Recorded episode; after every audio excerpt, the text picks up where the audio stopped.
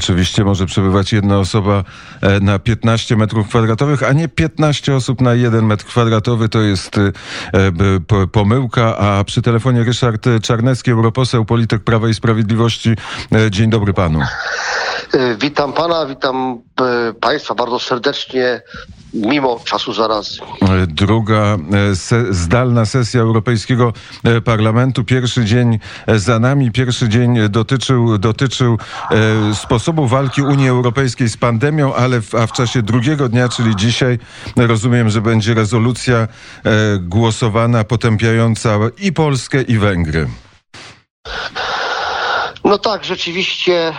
E pandemia pandemią, e, a e, niektóre instytucje unijne i wielu polityków w Europie, e, wiele formacji politycznych zdaje się, że zachowuje się tak, jakby nic się nie zmieniło, jakby tej zarazy być może największego, właśnie na pewno największego wyzwania dla starego kontynentu dla Europy, dla świata od czasów II wojny światowej nie było, e, a więc e, pandemia pandemią, a e, trzeba taki dyżurny sposób potępiać Polskę i Węgry za nieprawomyślność, przy czym dochodzi tu do pewnej schizofrenii politycznej, bo Węgry potępia się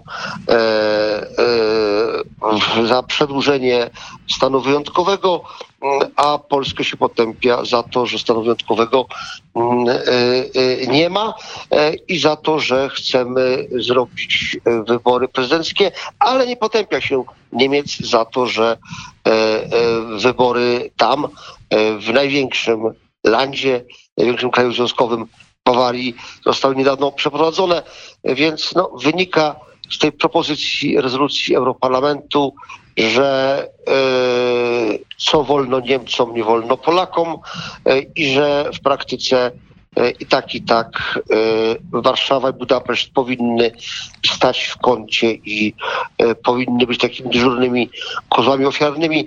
To nie buduje powagi Unii Europejskiej. Nie dziwmy się potem, że poparcie dla Unii spada na przykład we Włoszech do rekordowego w ciągu tych 60 już trzech lat funkcjonowania e, Europejskiej Wspólnoty Węgla i Stali, EWG i Unii poziomu 30%, tylko mniej niż co trzeci Włoch popiera obecność e, Italii w Unii, właśnie między innymi dzięki temu, że Unia nie zajmuje się pandemią, tylko zajmuje się jakimiś swoimi wewnętrznymi no, fobiami czy obsesjami, a, a później pani przewodnicząca Komisji Europejskiej von der Leyen przeprasza za Unię Europejską, tylko co z tego, że, że przeprasza, skoro żadnych wniosków y, z, ani z Brexitu nie wyciągnięto, e, ani z tego, że y, walczymy w tej chwili wszyscy e, z zarazą, z pandemią koronawirusa.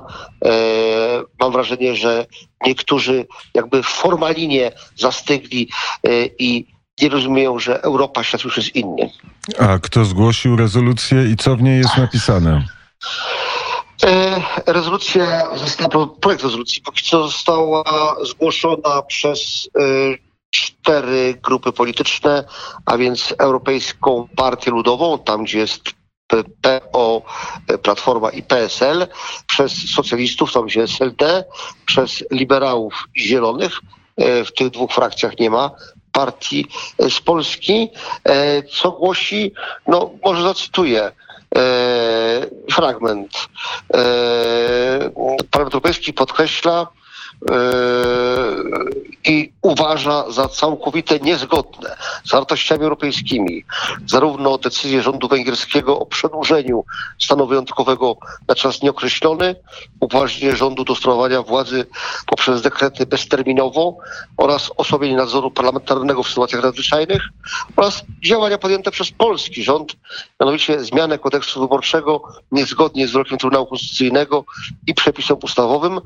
E, no, oczywiście nie mówi się, że, że chodzi o e, zupełnie wyrok Trybunału Konstytucyjnego z innych czasów, nie pandemii, e, w celu przeprowadzenia wyborów prezydenckich środku pandemii, która może zagrozić życiu obywateli polskich i podważyć ideę wolnych, równych, bezpośrednich oraz tajnych wyborów, co zapewniają zapisy polskiej konstytucji. E, dodajmy, że e, tutaj e, tak naprawdę w tym momencie ugrupowania zrzeszone w rodzinach politycznych, w których są partie opozycyjne w Polsce, czyli właśnie PO, PSL, wymieniłem już Europejska Partia Ludowa, HDC i y, SLD y, jest u socjalistów. Te dwie frakcje po prostu no, wprost popierają swoje partie i widać, że ten interes partykularny, partyjny tutaj góruje nad zdrowym rozsądkiem.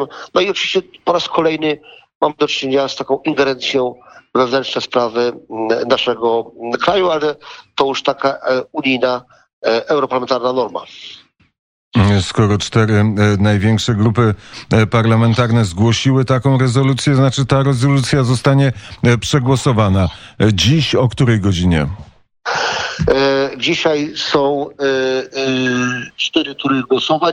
Zaczyna się to od godziny posiedzenie od dziewiątej, e, o dziewiątej e, trzydzieści pierwsza e, tura, druga będzie przez tym popołudniem i o godzinie 15, 16 dowiemy się, kiedy będą kolejne głosowania i kiedy w ogóle zakończy się posiedzenie parlamentu. Wczoraj zakończyło się, zaczęło o 9, zakończyło się po 23. Ciekawostka, polski parlament stoi jakby e, wyżej e, e, w wymiarze takim organizacyjnym niż Europarlament, bo w polskim parlamencie posłowie mogą zdalnie brać udział w debatach. Tymczasem w Europarlamencie mm, nie jest to możliwe.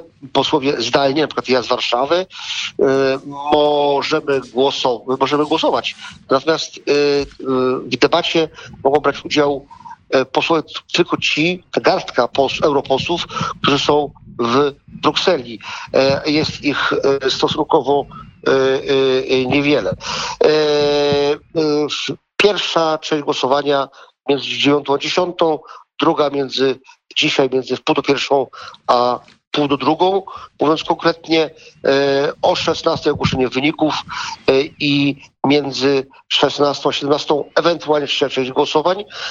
Czwarta, jeżeli do niej dojdzie, między 19.30 a 20.30. Wtedy o wpół do 11 ogłoszenie wyników, o 11 zamknięcie posiedzenia po raz drugi w historii zdalnego posiedzenia Europarlamentu. To e, kto będzie przedstawicielem Polski w czasie tej debaty, przedstawicielem e, Prawa i Sprawiedliwości?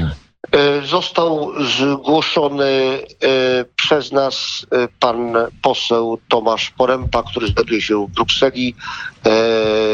On będzie w naszym imieniu przemawiał. Bardzo e, serdecznie dziękuję za rozmowę.